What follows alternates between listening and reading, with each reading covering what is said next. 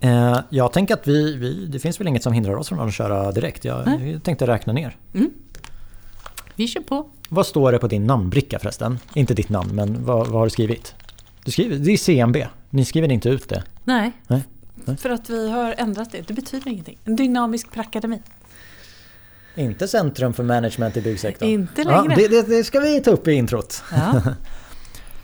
3, 2, 1, 0.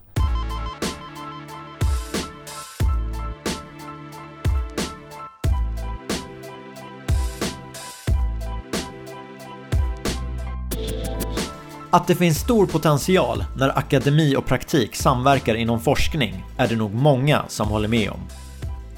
Och för mig, som gillar utveckling, är det extra kul att prata om just det här. Min nästa gäst är VD för CMB som verkar i mellanrummet mellan praktik, det vill säga företag och organisationer som arbetar med samhällsbyggnad, och akademin som representeras av forskare, lärare och studenter. Vi pratar om branschutveckling, digitaliseringens roll, viktiga faktorer för att få till förändring och massa annat spännande. Låt mig presentera Karina Boom.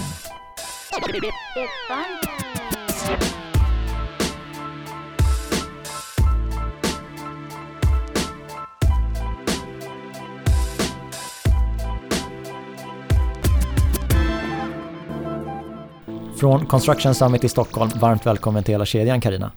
Tack så jättemycket Nim. Det står CMB på Mm. din namnbricka. Ja. Vad, eh, vad betyder det? Dynamisk prakademi.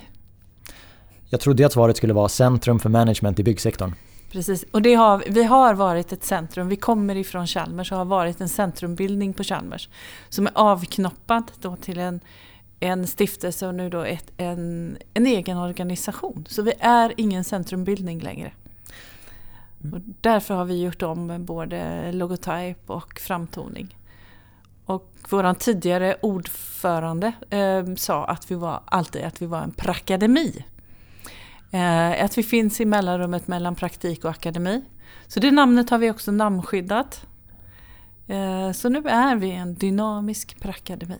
En dynamisk kunskapsgenerator har jag ju snappat upp när jag har Mm. läst. Men, men vi, vi, nu stannar vi här vid, vid CMB. Ja, För det är idag. Men Mm. det kommer ju från Centrum för management i byggsektorn. Och om vi spolar tillbaka bandet. Mm. Vad var bakgrunden till att det bildades? Eh, bakgrunden till att det bildades var att branschen ville ha, kunna påverka utbildningen eh, så att de som kommer ut ur eh, framförallt eh, Chalmers då eh, var, alltså, kunde börja jobba ganska direkt och hade en uppdaterad utbildning och så. Sen så la man tid och energi också på att eh, eh, skapa en masterutbildning. Så det finns ju en, en masterutbildning på Chalmers numera, DCPM, Design and Construction Project Management heter den på riktigt. Eh, en av de utbildningarna som är mest sökta, den är ju öppen att söka även om man inte har gått på Chalmers. Så den var vi med och startade från början för att det skulle finnas en masterutbildning kopplad till samhällsbyggnadssektorn och framförallt management och ledarskap inom den sektorn. Hur länge har ni funnits? 25 år i år. Grattis! Tack så mycket. Vi spolar fram lite till idag. Vet historiskt så skapades ni för att men, ta fram en masterutbildning, Mm. minska glappet mellan eh, akademin och, och Mm. arbetsmarknaden. Vad, vad gör ni idag? Du använde ett speciellt ord. Dynamisk prakademi. Prakademi. Ja. Mm. Eh, vi gör ungefär samma sak. Eh, I det där arbetet också så, så det blev ju en stiftelse från början. Så att vi har ju medel som vi eh, finansierar forskning med. Och det, det gör vi ju fortfarande. Eh, och eh, våra partnerorganisationer, eller som det heter i stiftelsen då, huvudmän, bidrar ju med eh, ett bidrag varje år i huvudmannabidrag som går till forskningen. Så en väldigt stor del utav det vi gör är ju att finansiera forskning i samhällsbyggnadssektorn. Och vi försöker då hela tiden att snappa upp vad är det branschen vill ha? Vad är det man vill ha evidens i? Vad är det man vill veta? Så att, eh, jag skulle säga att 90% av de forsknings, eh, forskningsprojekt som vi finansierar kommer på något sätt ur branschens behov. Och sen den andra delen av det vi gör är ju att nyttiggöra då. Eh, resultatet av det man har sett i forskningen ska ju också komma branschen till gagn. Och där jobbar vi med föreläsning, med kunskapsgrupper, med massa olika event för att liksom föra ut den kompetensen eller kunskapen i branschen till branschens medarbetare och chefer och ledare. Om man tar ert gamla namn så mm. är det nog många som reagerar på management och tänker att men det är ledarskapet, det är det ni fokuserar på. Eh, ni finansierar forskning sa du. Ja. Liksom, är det uteslutande ledarskapsdelen eller finns det på tekniska delen också? Inte på teknikutveckling och det utan det är managementfrågor. Affärsutveckling, ledarskap, organisationsutveckling, alltså de frågorna som ligger i begreppet management och det är det fortfarande. Så det är ju inte teknikutveckling eller materialutveckling eller någonting annat. Eh, vad är fokus just nu? Vad, vad efterfrågar arbetsmarknaden i dialogen med er? Vad vill de ha? Mycket kring eh, logistik. Alltså hur vi ska, vilka affärsmodeller, hur vi ska samverka och annat för, för logistik för det, det, är en av nyckelfaktorerna för att komma till rätta med klimatdelarna i, i byggbranschen. Men också klimatfrågan, eh, digitalisering och till alltihopa där så, så blir det ju management, den sidan som är management så, som man kommer till oss med.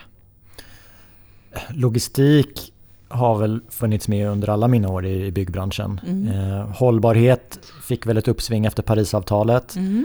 Men digitalisering, det var ju den absolut största trenden när jag var student och skulle precis börja jobba. Det har ju ni arbetat mycket med. Vad är din bild? Hur har, hur har branschen utvecklats? Eh, vilka steg har vi tagit inom digitaliseringen, tycker du? Jag tycker väl att man har tagit ungefär samma steg som, som resten av eh, näringslivet, jag på att säga, men mm, till mångt och mycket. Men Eh, framförallt så har ju pandemin inneburit att eh, det har blivit ett uppsving. Det har blivit lättare. Eh, många utav de eh, hinder som sågs, de, de, har vi övervunnit i den. Men det finns ju enormt mycket kvar. Eh, vi pratar om smarta hus och alla de sakerna, det finns ju. Men just Eh, i den, vi har ju en kunskapsgrupp som jobbar med BIM och digitalisering. Det här att bygga digitala modeller, att gå ifrån pappersritningar och där. Där har vi en bit kvar. Både, eh, jag tror att eh, om vi tittar på, om vi delar branschen i tre delar, att de som börjar inledningsvis, alltså tidiga skeden fram till projektering. Där tror jag att där är man ju mycket längre framme än när du kommer till själva konstruktionsdelen och sen så till förvaltardelen. Så det, he, kedjan hänger inte ihop. Tekniken finns men kedjan hänger inte ihop. Jag reagerade faktiskt när du sa att vi hade tagit ungefär samma steg som övriga näringslivet. För mm. någonstans finns ju den här statistiken som visar att byggbranschen, ja, vi, det är vi och jakt och fiske. Vi, vi är längst ner i digitaliseringsutvecklingen. Och sen så eh, finns det massa andra, men de är ganska mycket högre upp. Men klart, om man delar in branschen i olika delar så, så har vi nog en hel del att vara stolt över.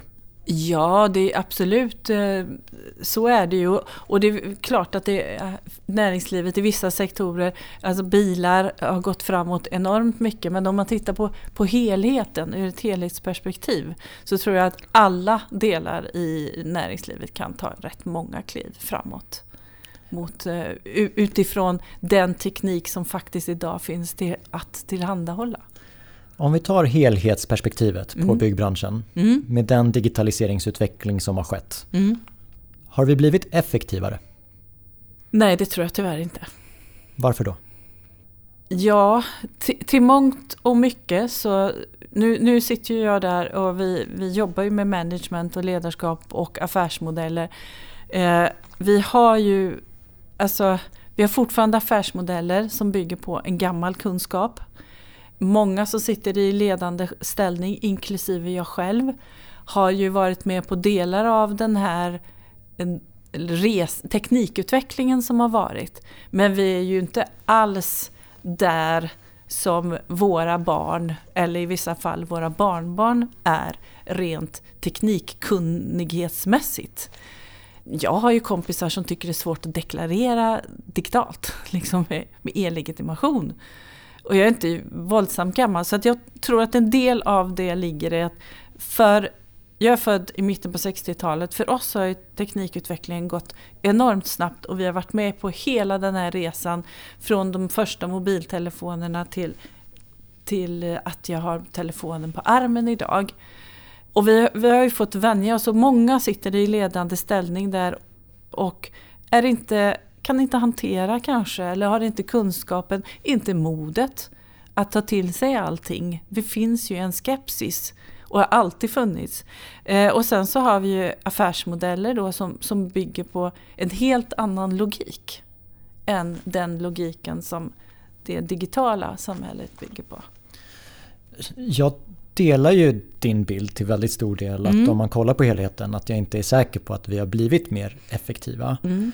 Och när jag funderar vidare på det så kan jag tycka att det är jag vet inte vilket ord jag ska använda, men kanske att det är intressant. Mm. För med jämna mellanrum lyfts det ju upp projekt mm. där man har gjort någonting på ett visst sätt. Ofta är det digitaliseringen som, som ligger där. Att med hjälp av den så gjorde vi det här och det blev så mycket bättre. Och ändå så gör man inte så i nästa projekt eller i projektet på andra sidan gatan. Och då är det ju många tankar i mitt huvud. Okej, okay, blev det inte mer effektivt i det här projektet? Eller är vi för dåliga på att mäta och visa resultaten? Vad, vad tror du att det kan bero på att men även när vi skyltar med att vi faktiskt blivit effektivare, mm. att det inte blir en standard? Ja. Uh, jag tror det beror på oerhört många saker. Men uh, jag lyssnade på ett sånt projekt uh, för när jag började min tjänst på CMB faktiskt. Eh, där man då hade jobbat just med det här med BIM-modeller och digitala ritningar i alla led i projektet. Och man höll budget, man till, det blev till och med lite billigare och man höll tidplanen. Eh, och om man nu tycker att budget och tidplan är mått på effektivitet så är ju det ett projekt som är oerhört effektivt. Sen vet ju inte jag om, om eh, för, för, jag har inte dykt ner i det här Eh, om det kanske var mycket fel, alltså mycket efterarbeten och sådana saker. För, för det syntes inte i det här resultatet.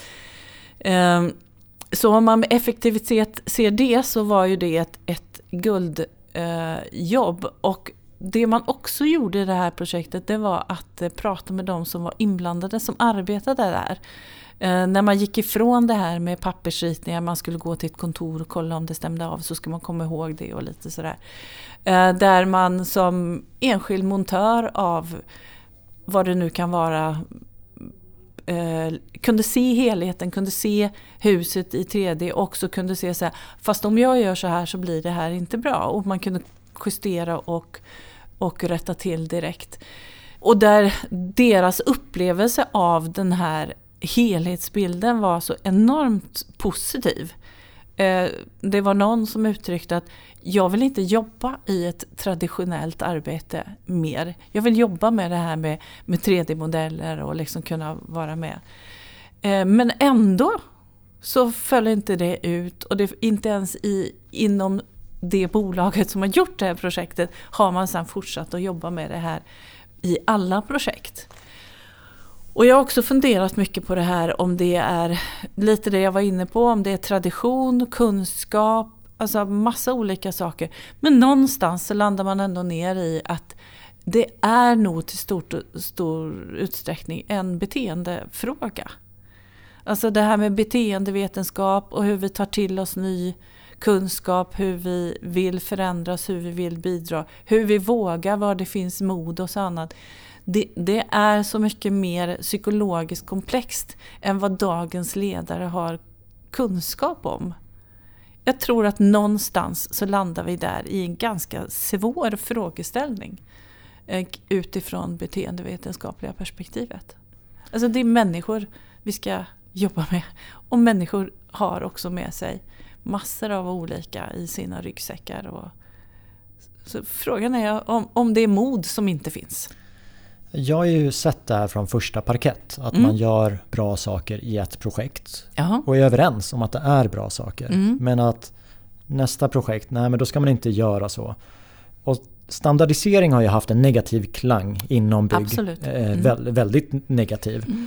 Det finns ju för och nackdelar med det. Jag kan tycka att ja, men, rätt standardisering, Mhm. det kan ha sina fördelar. Och jag hör ju hur jag låter när jag säger rätt standardisering. För vem Mm. avgör om den är rätt? Är det det som är bäst för mig? Bäst, det som är bäst för min avdelning? Eller är bäst för företaget? Bäst för branschen? Ja, det finns ju massa olika perspektiv Mm. i det här. Mm. Någonstans ändå, att om vi ändå enas om att standardisering kan vara bra. Så ett argument emot det är att nej, men det kommer dämpa kreativiteten. Mm. Har ni forskat någonting på det sambandet mellan standardisering och kreativitet? För det är ofta det som lyfts fram inom byggbranschen att nej, de måste vara fria i det här projektet. Det, Mm. det är det de är bra på. Lite, det, det pågår ett projekt som är ganska nyss avslutat som, där man har tittat på, på lean-perspektivet. Lean utifrån Toyotas modell handlar ju just om det här med standardisering och, och liksom de bitarna. Nu är det i en förstudie så att man har inte kommit men jag vet att frågan var uppe vid presentationen men än så har man inte sett några belägg för att det skulle vara så.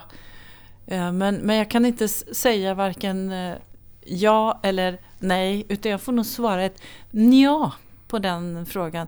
För sen om vi ska titta då på, på digitalisering eller teknik så kräver det ju ett visst mått av standardisering. För du kan inte ha en oändlig variation. Eh, men där du kan standardisera det är ju det som är repetitivt och det är ju också mycket av sånt som man kan digitalisera som, som är lite återkommande. Där du kan samla in data och så, men du kan inte ha en oändlig mängd utan det måste ändå finnas en, en begränsad mängd om jag har förstått det hela rätt. Så ja, eh, jag, jag kan inte svara på, på det eftersom det inte, inte i de forskningsprojekt som vi har bekostat finns det inte tillräckligt mycket underlag som jag har för att kunna svara ja eller nej på den frågan. Om det finns en större potential. Vi tänker ju att framtiden Mm. den kommer ju vara ännu mer digitaliserad än vad det är idag. Ja, Och vi i byggbranschen kanske har blivit lite mer digitaliserade de senaste åren men vi Mm. ser inte riktigt effektiviteten. Vad behöver vi ändra på i sättet som vi arbetar på idag? Du, du nämnde kontraktsformer. Eh, men vad, vad, vad ser ni för, vad är det som hindrar oss från att ta de här utvecklingsstegen? Och det är så lätt att peka på mod och, Ja. och, det men nå, någonstans vill man ju, ja, vad är facit? ja det, en, en, det behövs ju en, en kompetenshöjning eh, i branschen. Och den börjar ju i utbildningssektorn så vi jobbar ganska mycket med. Nu jobbar vi, nu, nu jobbar vi ju ganska mycket mot Chalmers. De ut, utbildar ju ledare in i branschen. Men ska du få eh, det här och, och liksom få ett riktigt driv då behöver du ju också jobba i, i alla nivåer. Eh, och jag skulle säga att man skulle behöva också jobba med gymnasieskolornas eh, bygg, elutbildningar. Hur jobbar de med digitalisering? Hur förberedda är de eh, eh, som kommer ut därifrån som vi sedan rekryterar in? Hur förberedda är de medarbetarna på att jobba i, ett, i en digital kontext? Eh, sen så finns det ju en annan fördel i det här och det är ju att vi har ju också i branschen har vi ju väldigt många olika nationaliteter, många språk, många olika kulturer och massa andra saker. Kan, kan man jobba ur ett digitalt, ett bildperspektiv kanske snarare än ur ett, eh, ett ganska rigidt system med ritningar och mycket text och förklaringar. Så det är klart att vi öppnar upp också för för en delaktighet mycket bredare. Men det är ju just det här att vi behöver någonstans höja kompetensen för det digitala och det behöver man göra hela, i alla led. Och det är ju då en kostnadsfråga kanske. De stora, många av de stora byggbolagen, det, ett, ett bygge idag består ju av någon huvudentreprenör som ofta är något av de större bolagen. Men därunder finns det ju ganska mycket små firmor. Eh, och du kanske inte har den möjligheten att lägga den kompetensutvecklingen om du har fem, tio anställda. Utan det, det, det rullar på. Så någonstans måste ju även de stora då ta ett, ett helhetsgrepp för sina små underleverantörer. Den här balansgången mellan kostnad och investering, Mm. det, det, det gillar jag att prata om. Mm. Därför att, ja visst, att, att digitalisera oss, ja men vi kanske behöver köpa lite ny hårdvara. Det är, Ja. en, det är en kostnad eller en investering beroende på hur man ser Ja. på det. Och det finns ju massa fördelar med att hänga med i digitaliseringsvågen. Framförallt om du vill rekrytera morgondagens medarbetare. Mm. Det är inte så många studenter idag som bara, "Men jag, jag, jag gillar pappersritningar. Mm. Nej, man vill ha det i sin telefon och allt tillgängligt. Man vill inte springa fram och tillbaka. Nej. Men sen finns det ju massa andra drivkrafter tänker jag, att faktiskt digitalisera. Mm. Där tycker jag att vi i branschen är rätt så dåliga på att visa exempel som blir accepterade. För när jag tog min examen 2010 Mm. då, då var det massa presentationer om VDC, Virtual Design and Construction. Ja. Och en anledning till att göra det, det var för att med hjälp av Stanford University Mm. så hade NASA, de hade förkortat tiden för en projektering av en rymdresa från 52 veckor till 2 veckor. Mm. Och när man fick höra det så tänkte man, oh wow, Mm. det är klart att vi ska jobba med VDC. Spola fram 2016, sex år efter min examen, så är det fortfarande det exempel som man drar i presentationen om VDC. Att NASA förkortade sin projekteringstid för sina rymdresor. Mm. Och jag ska inte svära på det, men jag tror att om jag får höra en presentation om VDC, eller om jag får höra 15 stycken idag, så kommer i alla fall en eller två nämna den här rymdresan. Ja. Och då känner jag, men om vi har jobbat med det här i 13 år, Mm. varför har vi inte egna exempel som blir så pass accepterade så att man känner att det är väl klart att jag ska arbeta så i mitt projekt. Mm. Är, är- vi sämre på det inom bygg jämfört med andra industrier? Att oj, nu har de gjort det här i det här projektet. Det är väl klart att vi ska göra det i vårt nästa. Eller vad, vad beror det på att vi fortfarande har, vi har vissa spjutspetsprojekt men den här höjningen av lägsta nivån den, den går ju ganska långsamt tycker jag. Men har den inte gjort det i alla branscher? Jag vet Om inte, jag frågar är- dig. Jag tycker ja. att du sitter på mer information. Ja, eh, det vet jag inte om jag gör. Men tittar man, om vi tittar nu, nu kommer vi från Göteborg, om man tittar på bilbranschen. Eh, att att eh, förbränningsmotorn skulle liksom kanske inte vara jättemodern framåt. Det har man ju också vetat i oerhört många år. Innan man då kommer fram till att det här med elektrifiering och nu pratar man om andra saker. Eh, jag vet eh, när, när man börjar köra på biobränsle att det här kommer att bli grejer. Och det, det var ju bara några år. Sen så släppte man det och nu är det elektrifieringen av motorn. Eh, men man, man har i alla fall påbörjat en resa i den branschen. Eh, och så ser det ut i väldigt många branscher. Men jag tror att startsträckan är lång i alla branscher och det måste vara någonting det måste finnas en trigger som gör att man kommer över liksom puckeln. Och jag tror att triggern för byggbranschen det kan vara klimatomställningen. Alltså kravet på eh, utifrån, från kunder, från medarbetare, från, från mass, uppan, byggherrar med att vi, vi måste värna klimatet. För det som man också pekar på nu det är att den branschen och den sektorn som, som vi kommer ifrån står för en väldigt hög grad av eh, utsläpp och vad det nu, klimatpåverkan kan man säga. Så det tror jag kan vara triggern till att man driver på eh, kunskapsutvecklingen som sen driver på utvecklingen.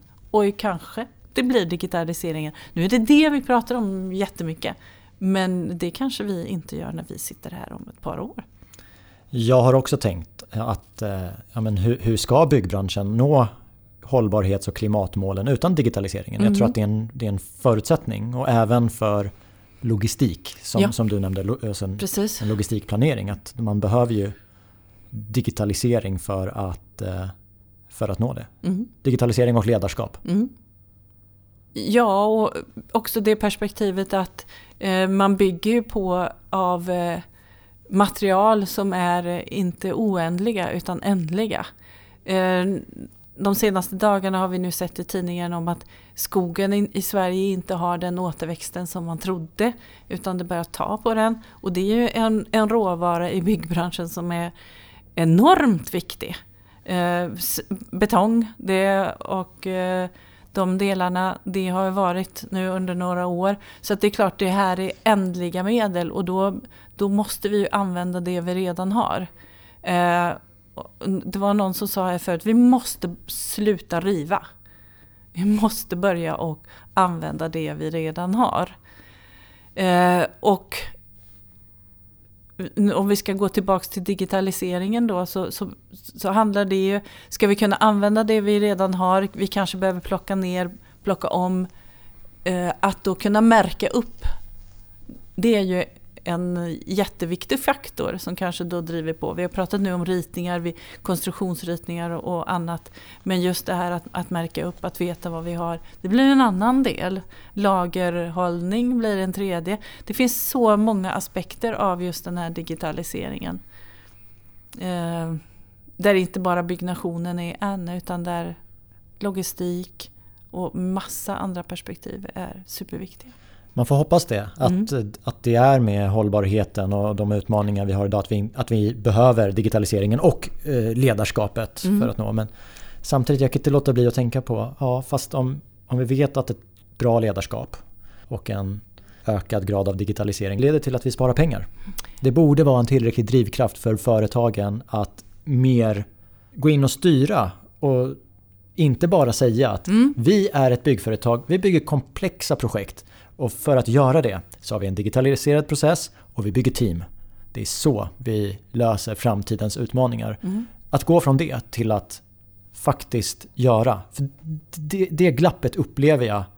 Och jag säger inte att det är ledningarna som säger att vi ska inte göra det här fullt ut. Jag tror att där är man bestämd. Men någonstans så i kedjan av olika ledare, affärsområden så, så faller det här bort. Ja, det krackelerar någonstans ner i en budget, troligtvis. Utan att jag vet. Eh, vi, vi, har, vi kommer finansiera ett väldigt intressant projekt nu som kommer att titta på innovationshöjd i styrelser och hur det påverkar eh, företagens eh, liksom resa mot, mot eh, bland annat digitalisering. Men där. Det är också en aspekt, men nu är vi tillbaka på, på ledningen där. Men det där, jag tänkte bara komma in då, det, det du nämner om styrelser. Ja. Det tycker jag är en jättebra poäng att ta upp. För ja. att, att sitta i en styrelse i stort eller halvstort byggföretag. Eh, du får inte så här jättemycket pengar för att göra det. Nej. Men du har ett jättestort ansvar. Ja. Och jag kan förstå de som sitter i styrelsen. Och de tjänar inte så mycket pengar så att de kan lägga väldigt mycket tid på det. Men någonstans ska de ta ansvar och då kan det bli lätt att man tar det det trygga alternativet. I, absolut. Och då är det intressant det här du nämner med mm. innovationshöjd och kanske kombinerat med mm. hur styrelsearbetet bedrivs. Mm. För mm. att det vore ju väldigt synd om utvecklingen i vår bransch styrdes av minsta risk. Eh, ja, så är det.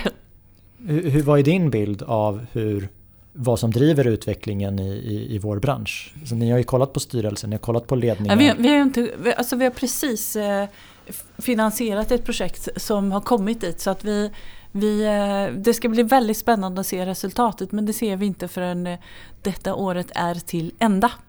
Eh, kring det här med innovationshöjden i styrelser. Eh, men vad som driver eh, väldigt mycket det vi ser idag det är enskilda personers, alltså enskilda personers intresse och drivkraft som eh, driver fram utvecklingen.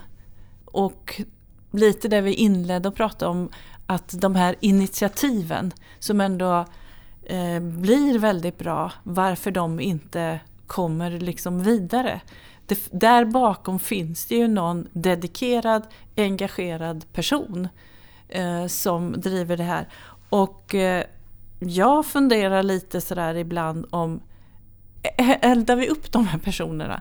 Alltså hur tar vi hand om vårt humankapital idag? När man har drivit kanske ett, ett stort byggprojekt under 5-6 år. Har man kraften att börja om? Igen? från början. Eh, med samma entusiasm, samma innovationsvilja, eh, samma känsla för att liksom göra det här. Eller har man tagit slut? Men är det unikt för nu eller har det alltid varit så i vår bransch? Eh, jag tror inte att det är, är, unikt för nu. Men det jag tror blir unikt för nu det är ju att teknikut, alltså möjligheterna, teknikutvecklingen som pågår går relativt snabbt. Det finns väldigt mycket möjligheter.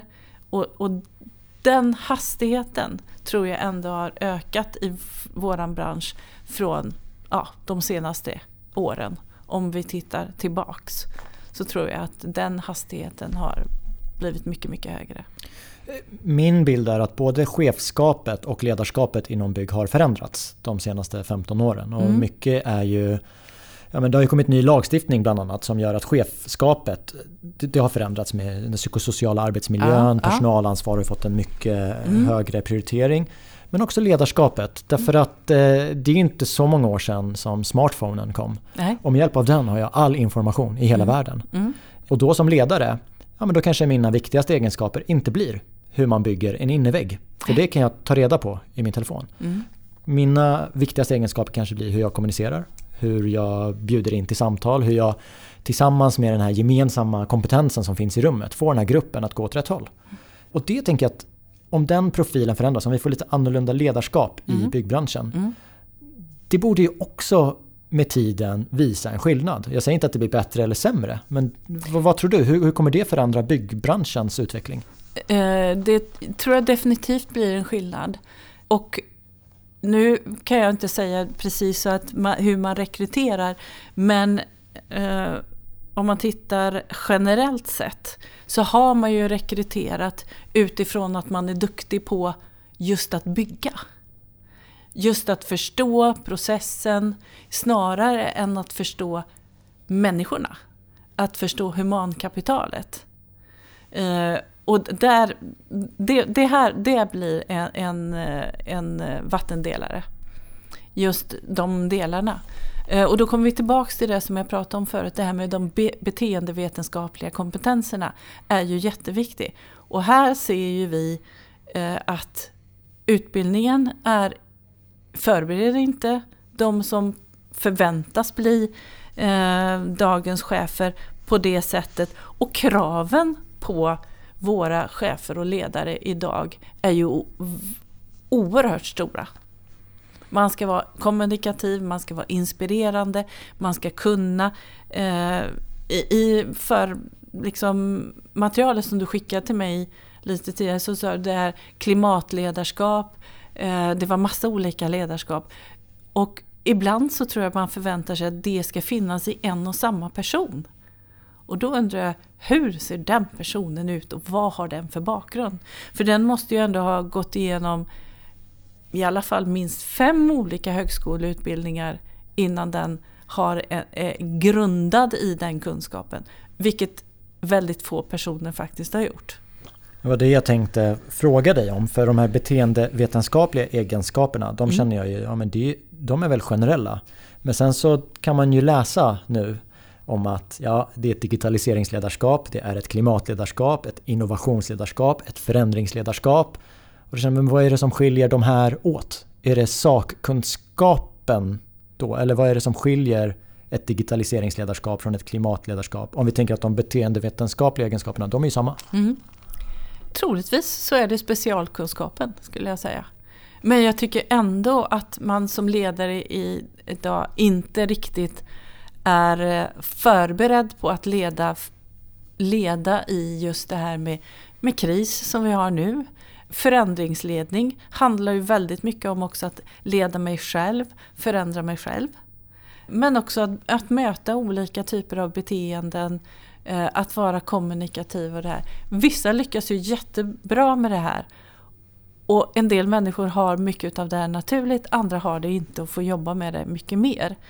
Så, så ledarskapet ur det perspektivet, och nu pratar vi kanske inte bara om VD på byggbolaget X som omsätter massor utav miljarder. Utan det ledarskapet måste ju komma ner ända till förman på bygget, på plats. Och, och det är en ganska lång sträcka. Hur bra är vi i branschen på att eh, förstå viktigheten av ledarskapet? För absolut, vi pratar om hur viktigt det är med ledarskap och att tillsätta rätt team. Samtidigt så finns det ju en historik där om du ska göra karriär inom bygg mm. så har det varit vissa steg du ska gå. Mm. Du är en arbetsledare, sen är du en platschef, mm. sen är du en projektchef, sen är du arbetschef och det är de stegen man tar. Jag kan personligen tycka att det ledarskapet som en arbetsledare ska ha, det är inte nödvändigtvis samma egenskaper som en platschef ska ha. Eller samma egenskaper som en projektchef ska ha. Och fram tills för några år så kände jag att nej, men det, det är fortfarande vi är fortfarande inte helt med på det här i byggbranschen mm. när vi tillsätter och befordrar chefer. Nu börjar jag ändå se ett mönster i att ja, men, jo, men man har anammat det här. Du behöver inte gå från arbetsledare till platschef. Du kan gå andra steg mm. om, om rollen finns på, mm. på företaget. Men nu med digitaliseringsledarskap, klimatledarskap, innovationsledarskap och förändringsledarskap. Det blir ju en nivå till. Hur bra tycker du att byggbranschen är på att förstå att det krävs olika typer av ledarskap för olika typer av uppgifter på ett mycket mer detaljerat sätt än ja, men det, här är, det här är Sandra, hon är en duktig ledare. Vi sätter henne på det här. Mm. Eh, jag tycker inte att, eh, att vi alls är bra.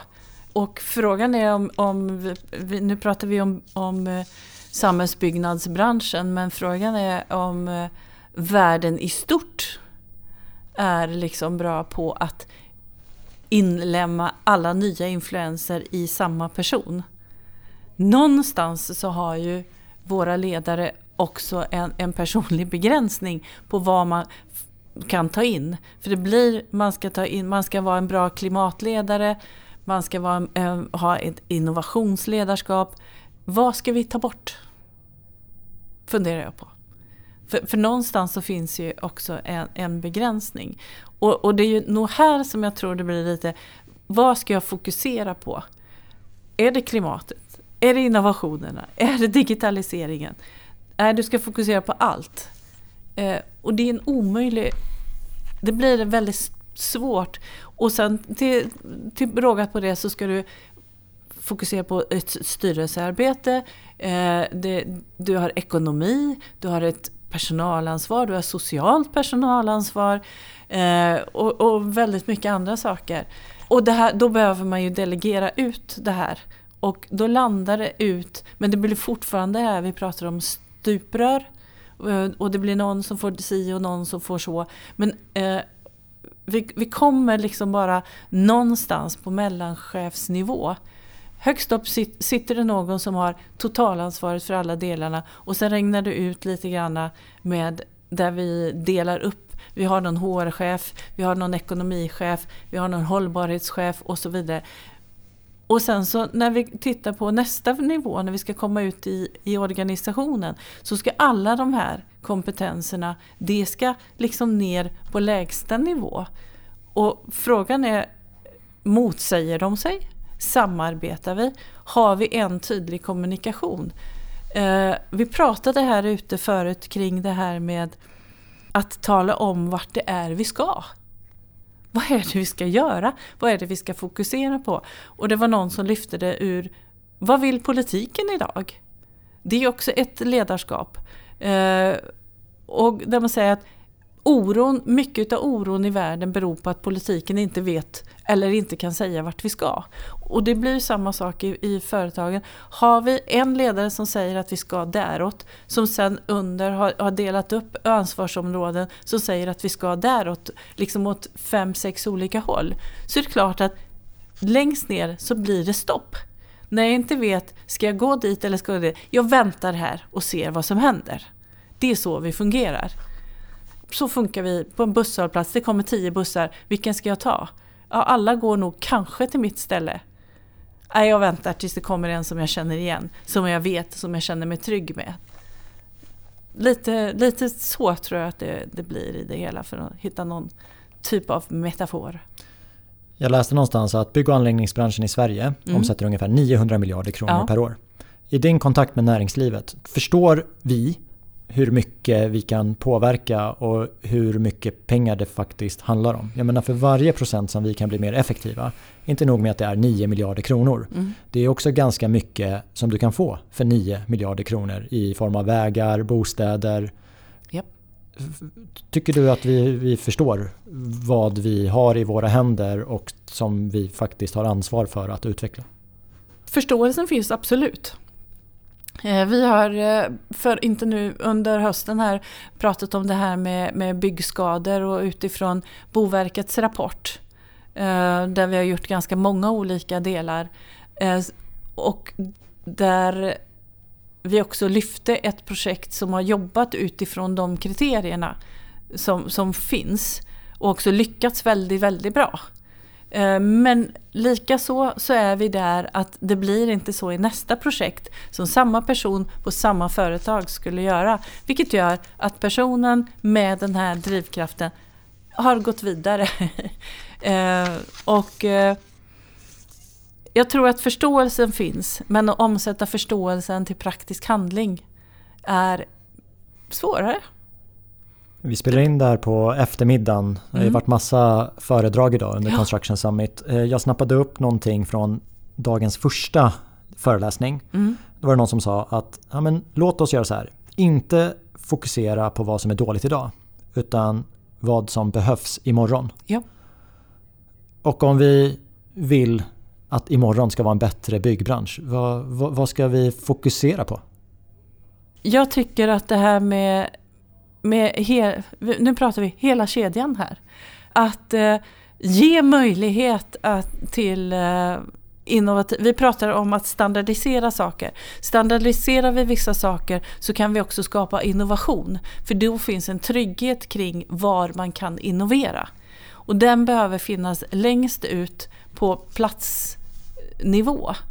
Eh, men då behöver man också ha en förståelse för hela kedjan genom att jobba med den digitaliseringen samtidigt som vi jobbar med innovationshöjd i styrelserna. Det var någon som sa till mig, innovera högt implementera djupt. Det tror jag är ganska mycket av att vinna det här. Eh, att, att verkligen se till, nu ska vi göra det här projektet så här och sen så ska vi repetera det och repetera det och repetera det och faktiskt våga repetera det. Se de människorna som har gjort det jobbet och låta dem göra det jobbet på samma sätt. Det tror jag faktiskt är. Och då blir det en form av standardisering men med ändå ett utrymme för innovation och kreativitet. Vi är många ringar på vattnet om alla Absolut. lever efter det. Mm. Du, jag skulle vilja tacka dig för att du gästade hela kedjan. Det är jätteintressant att prata mm. med dig och det känns ju som att vi hade kunnat sitta i några timmar till. Eh, ja. Jag vill också tipsa lyssnarna om att gå in på er hemsida för där mm. står det ju vad ni, vad ni arbetar med. Och ja. Jag ska bli bättre på att ta del av era resultat. Mm. För det är väldigt intressanta ämnen. Ja. Tack så mycket. Tack så jättemycket.